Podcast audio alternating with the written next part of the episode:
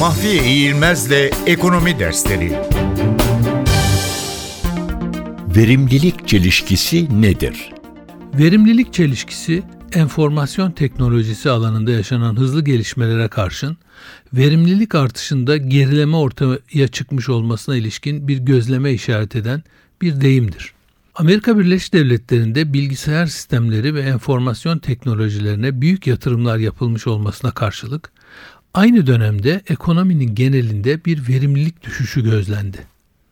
1970'lerde ve 80'lerde Amerika Birleşik Devletleri'nde bilgisayar kullanımı ve bilgisayar kapasiteleri 100 kat artmış olduğu halde 1960'larda %3 dolayında olan verimlilik artış hızı 1990'larda %1'lere geriledi. Birçok analist ve yorumcu bu sonuçların doğruluğu konusuna itiraz etmiş bulunuyor.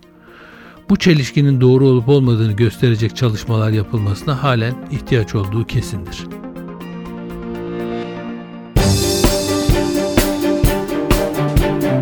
Mahfiye İğilmez'le Ekonomi Dersleri